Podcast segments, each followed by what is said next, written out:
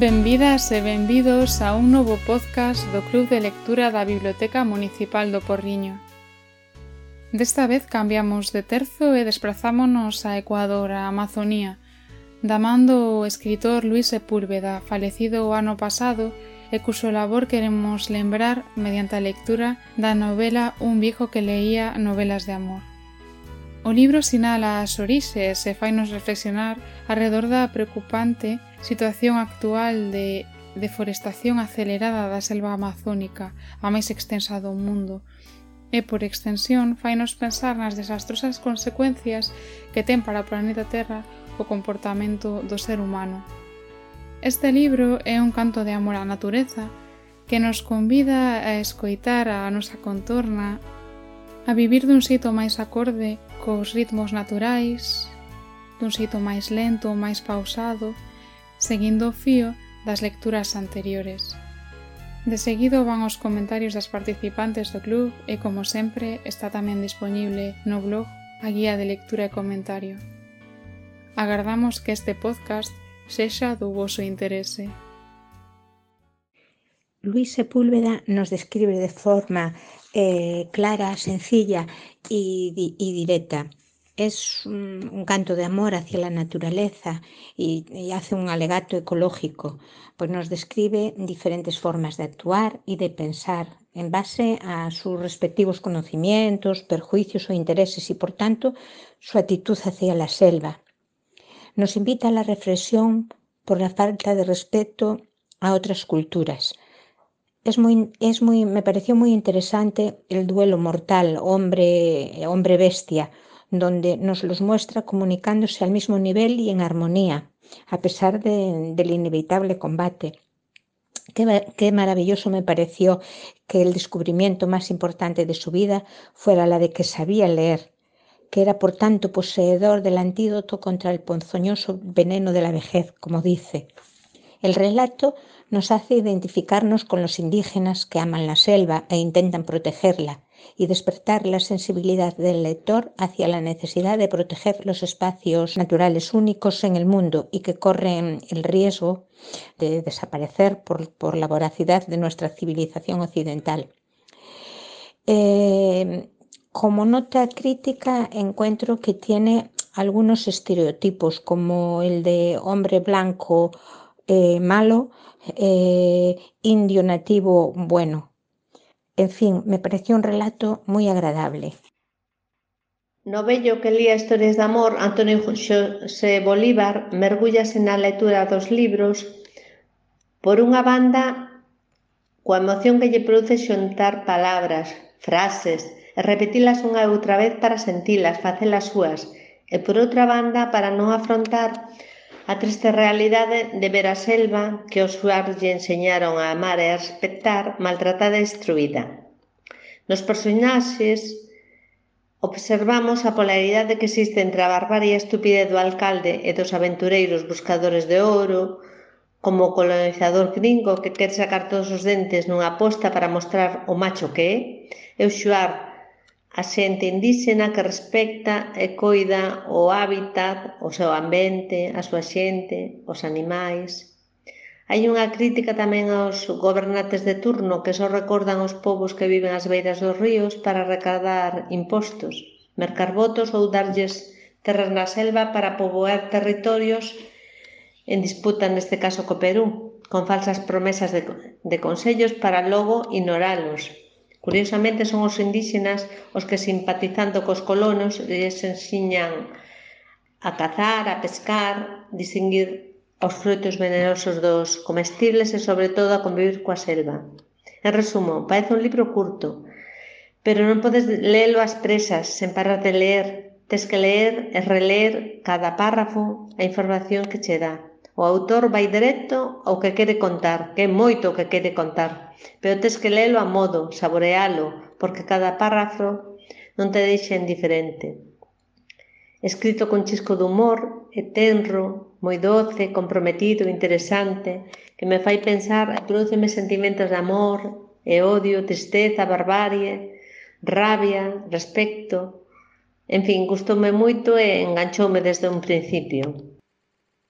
Este libro, un viejo que leía novelas de amor, me ha gustado muchísimo. Para mí es como un poema, si podemos decir así. Es una promulgación por los derechos de la Amazonía. Nos cuenta, nos relata toda la vida de los indígenas, cómo hacían para vivir y sobre todo nos cuenta que son sostenibles ante esa naturaleza tan brutal y tan exuberante. El protagonista se encuentra en una encrucijada. El amor que siente poco a poco se le va revelando por la selva y cómo va dejando atrás la otra vida, aquella vida de, de lucha, de, de incomprensión, de pobreza, de fealdad, de suciedad, es decir, de incomprensión, y cómo realmente en la selva encuentra algo que le ayuda a mantenerse en pie, encuentra como si todas las cosas estuvieran bien, es decir, encuentra la sostenibilidad del planeta. Mientras ocurre todo esto, él lee novelas de amor. Y yo creo que esto de leer las novelas de amor es por el querer conocer también otras vidas, otras vidas que sean mejores que las de él y también comparándolas con esa naturaleza en donde vive. Realmente esta novela es un canto a la naturaleza, es un canto vivo al planeta que tenemos. Nesta novela, o autor Luis Sepúlveda ponnos de manifesto de maneira curta pero concisa as atrocidades que comete o home contra a natureza en aras dun falso progreso. Pon de manifesto desde meu punto de vista varias denuncias, Por un lado, o engano que sufren os colonos por parte das autoridades cando os convencen, a cambio de terras, para ir a colonizar uns lugares para os cales non están preparados para sobrevivir neles e que lle son totalmente hostís, como lle sucede ao propio Bolívar, que fuxe coa súa muller para evitar o trato aberrante que lle espera a ela simplemente por non quedar embarazada, e chega a este lugar da selva inhóspito o que pretende domeñar sin conseguilo. Por outra banda, denuncia os buscadores de ouro, que arrasan con todo e que no seu tempo libre adícanse a abusar dos indios do lugar ou mesmo cazar todo tipo de animais, sen respetar nada, solo polo feito de facer unha fotografía cos cadáveres ou as pieis dos animais, e isto todo encuberto pola corrupción dos gobernantes destes territorios, que non fan nada por evitalo. Así pois podemos ver que é un libro que está totalmente de, actualiza de actualidade, porque este xeito de querer imporse a natureza está totalmente vixente, faise todos os días, E así temos incendios forestais, sobreexplotación de recursos, etc. E a natureza revelase e devolvenos catástrofes naturais, cambio climático, pandemias, Si teño que poñerlle algunha crítica ao libro, eh, sería que se me fixo moi curto. Hai moitas denuncias, pero sin, prof eh, sin profundizar nelas. Aínda que pode ser feito así a propósito polo autor, para darnos a pista, despertar a nosa curiosidade sin aburrirnos con moitos datos ou con moitas ou con moitas historias á vez e que nós máis tarde pois profundicemos nestes temas. Do libro quería destacar tamén a transformación que sufre Bolívar, que pasa de odiar a selva porque lle arrincou o que máis quería A amala e respetala, despois de aprender a acetala tal como é, e convivir con ela sin tratar de domesticala. Isto sucede tras as ensinanzas e a convivencia cos indios suar. Aí dase conta do que é a liberdade, comer cando se ten fame, dormir cando se ten sono. Hoxe en día isto non é así. Nos eh, vémonos eh, sometidos á ditadura do reloxo Ademais, eh, perdemos todo o contacto co, co coñecemento práctico da vida, como lle sucedeu ao alcalde do povo, que non sabe nada da selva nin dos seus habitantes. Isto a min eh, recordoume a novela de, de Miguel Delibes, El disputado voto del señor Callo, donde esa misma reflexión da, perdi, da perda do coñecemento práctico das cousas a fai o, a final do libro a fai o político que vai a, a pedirlle o voto ao señor Callo. E, o que me encantou eh, foi a parte do final, o enfrentamento cara a cara coa tigrilla, personificando o animal ou animali, animalizando o home, que non sei o que sería máis correcto, pero enfrentándose ambos en cobardías, de xeito igualitario, dándolle a oportunidade ao animal de, de morrer de xeito digno. E o feito de que, de que Bolívar lea novelas de amor para olvidar a crueldade humana tamén me fai reflexionar eh, sobre que hoxe en día moita xente ve telenovelas, reality shows ou mesmo fútbol pola mesma razón, para evadirse da cruda realidade. Luis Sepúlveda, en Un viejo que leía novelas de amor, nos relata la vida de un personaje, Antonio José Bolívar Preaño, sensible, ecologista, feminista, defensor de los animales y la naturaleza.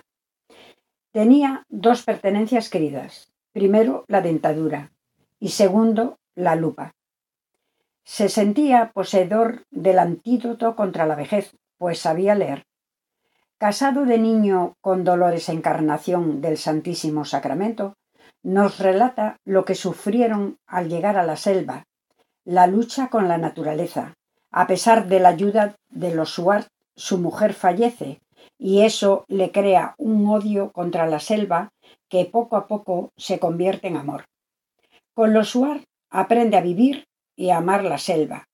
No era uno de ellos, pero era como uno de ellos, hasta que sucedió el percance y tuvo que abandonarlos.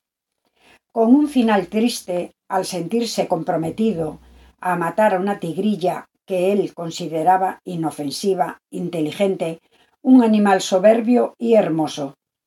Se siente indigno y llora avergonzado, y en ningún caso vencedor. Lanza la escopeta al río, maldiciendo a todos los que en palabras del autor emputecían la virginidad de su Amazonía.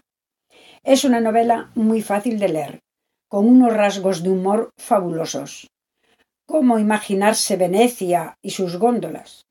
Me ha parecido una novela extraordinaria, por lo simple que parece, pero el gran contenido que transmite. O libro de home que leía novelas de amor gustoume tanto que lino en dous días.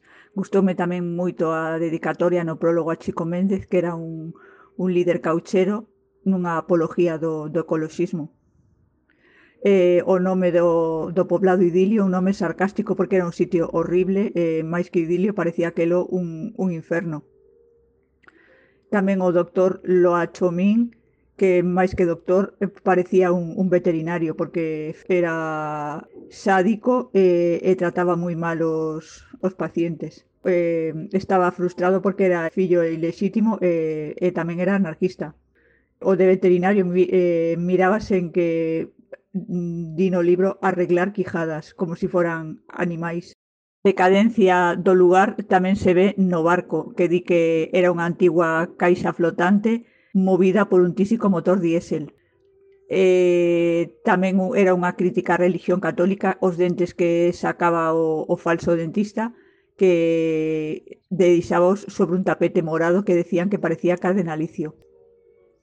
Tamén din que os síbaros eh, que tiñan bons dentes e, e que non eh, necesitaban dos seus servicios e tamén eh, que un, o, os dentes que lle había colocado só os usaba para comer ou falar, eh, os tiña guardados, eso demostra a súa cultura.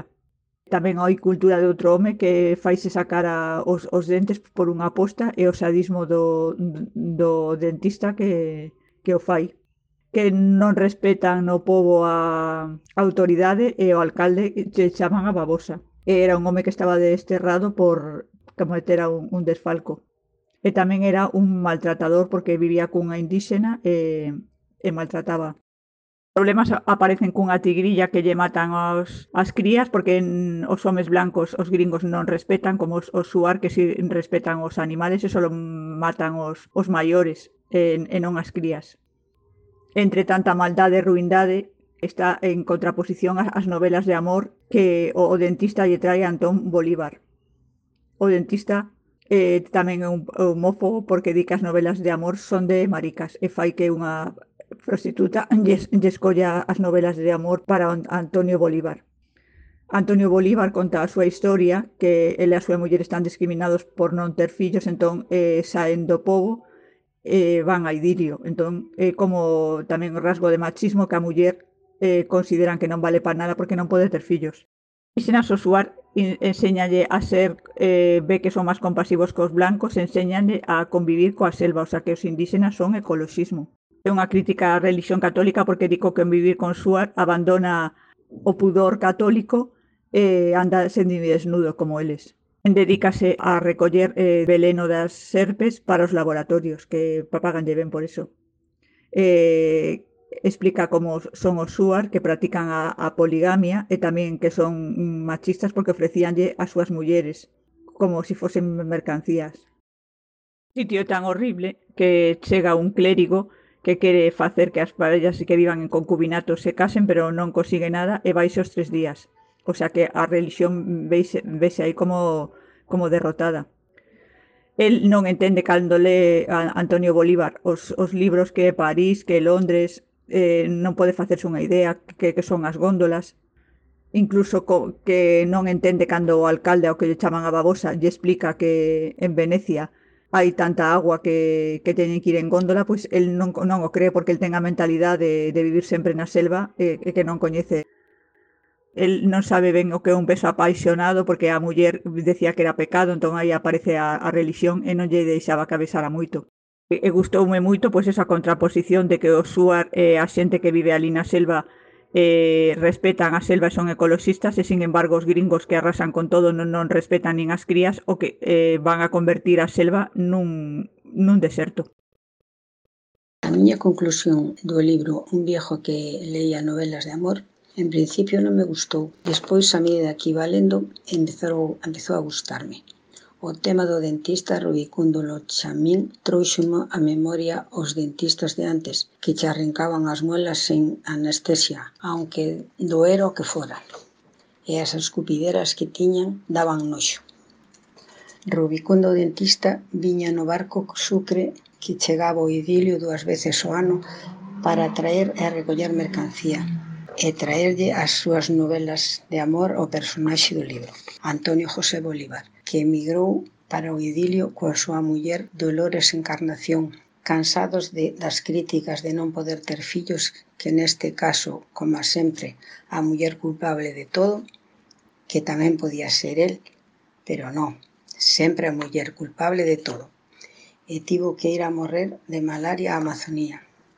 Eles coñecéronse en San Luís cando eran nenos, José Bolívar fíxose amigo do Suar e conviviu con eles un tempo.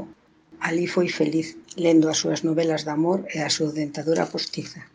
Despois tuvo que lidiar co alcalde que non tiña nin idea de como afrontar a caza do xaguar. En fin, que estuvo entretenido e vívense moitas aventuras lendo o libro. Aquí Luis Sepúlveda fai unha homenaxe ás súas raíces. Este libro é un auténtico legado aos países da América Latina. Fainos reflexionar e participar da súa cultura ancestral, do valor da naturaleza, especialmente do tesouro do Amazonas, a selva máis extensa do mundo. E como amando os colonos e a incompetencia dos seus dirixentes fan estragos nela. A lectura transmite moito respeto pola natureza, os animais que viven en esa contorna, e que hai que respetalos, e que se non o faz, pasache factura. Non mates por placer, pois a súa vinganza pode desencadenar verdadeiras tragedias, como ocorre no libro. E, enséñanos a través do suar o lema de vive e deixa vivir, as enseñanzas deles que viven no Amazonas libres e felices, e eles non mataban as crías, eran respetuosos, nin por codicia das súas peles. Enseñaban que había que oír, oler, estar atentos aos perigros. O desconocimento, pois, podías mm, verte envolto en verdadeiras dificultades e, sobre todo, ser inteligente, E así é un pouco como a través de, de Antonio José Bolívar nos mete nese mundo. Que destacaría eu da lectura das, das vivenzas de Antonio José Bolívar? Pois primeiro destacar esa vida que ten ese matrimonio de nenos, a dureza da supervivencia no campo, acertada idea de, de sair dese entorno hostil que el e a súa muller Dolores Encarnación del Santísimo Sacramento. Con este nome xa nos dice realmente eh, representa todo o catolicismo, non?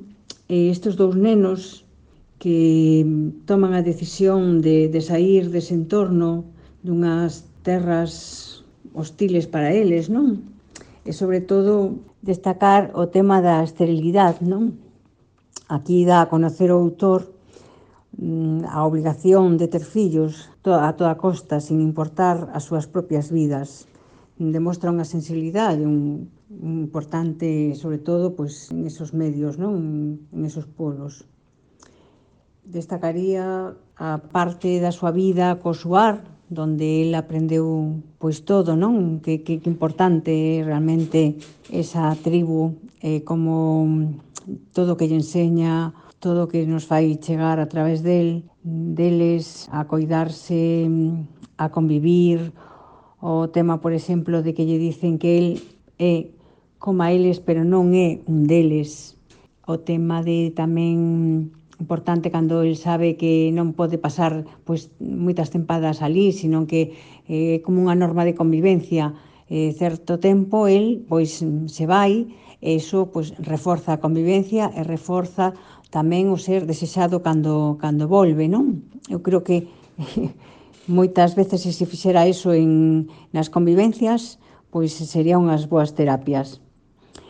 Eh, o tema da morte cando eles saben, por exemplo, que teñen que, que chega o momento, e cando preparan pois unha ceremonia de alucinóxenos para deixarse ir, e, o sea que eles deciden hasta a súa propia morte.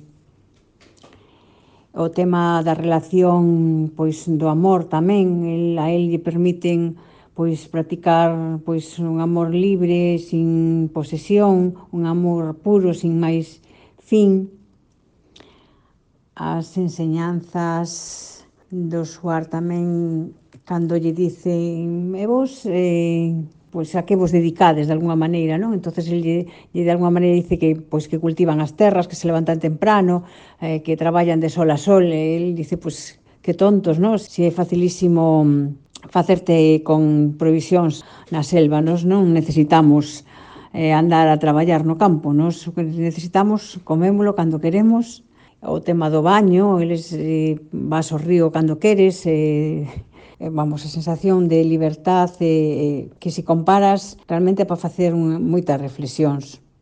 Eh, hai que destacar que realmente se parece unha lacra que a lacra mm, da, do paludismo, da malaria, que afecta a máis de 300 millóns de población e que ao ano morre un millón, hai un, un millón de mortos.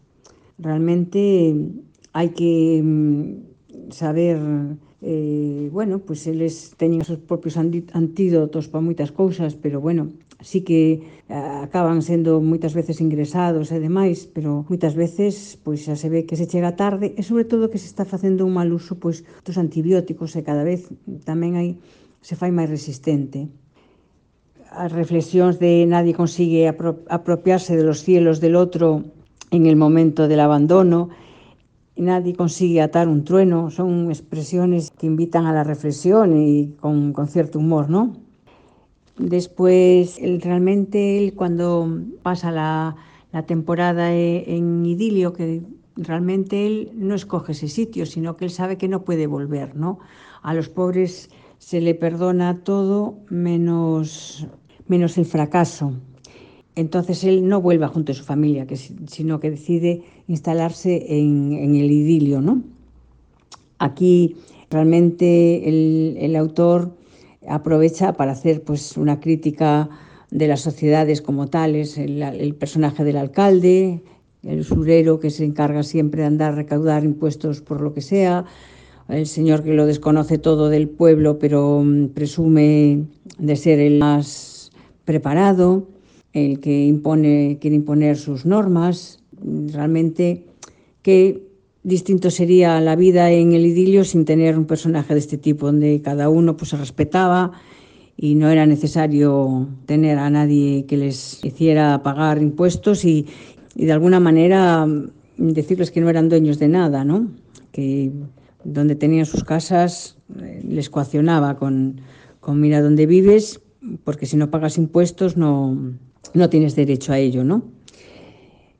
Y aquí es en donde mm, Antonio mm, José Bolívar eh, pues es ese personaje respetado, conocedor de, es el que tiene realmente la sabiduría y él habla de una parte que es la soledad, ¿no? Y de esa soledad del mundo de los libros, como a través del dentista se va, va de, de, libros, pero no quiere los libros que a lo mejor se le pueden ofrecer. Él no quiere libros de historia porque dice que cuentan mentiras, no quiere libros para perder el tiempo, que no les dicen nada, y él selecciona los libros de amor, del amor que duele, ¿no? qué sensibilidad demuestra.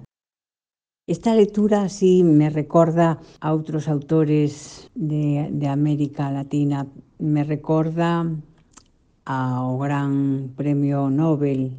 No seu libro El coronel no tiene quien le escriba.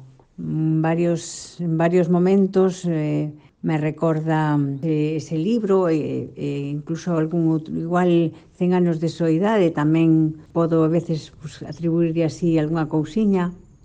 Pero eso, o autor que máis me recorda é a García Márquez, inconfundiblemente, sí. Moitas grazas por escoitardes este podcast. Esperamos que vos resultase de interese e ata o próximo podcast do Club de Lectura.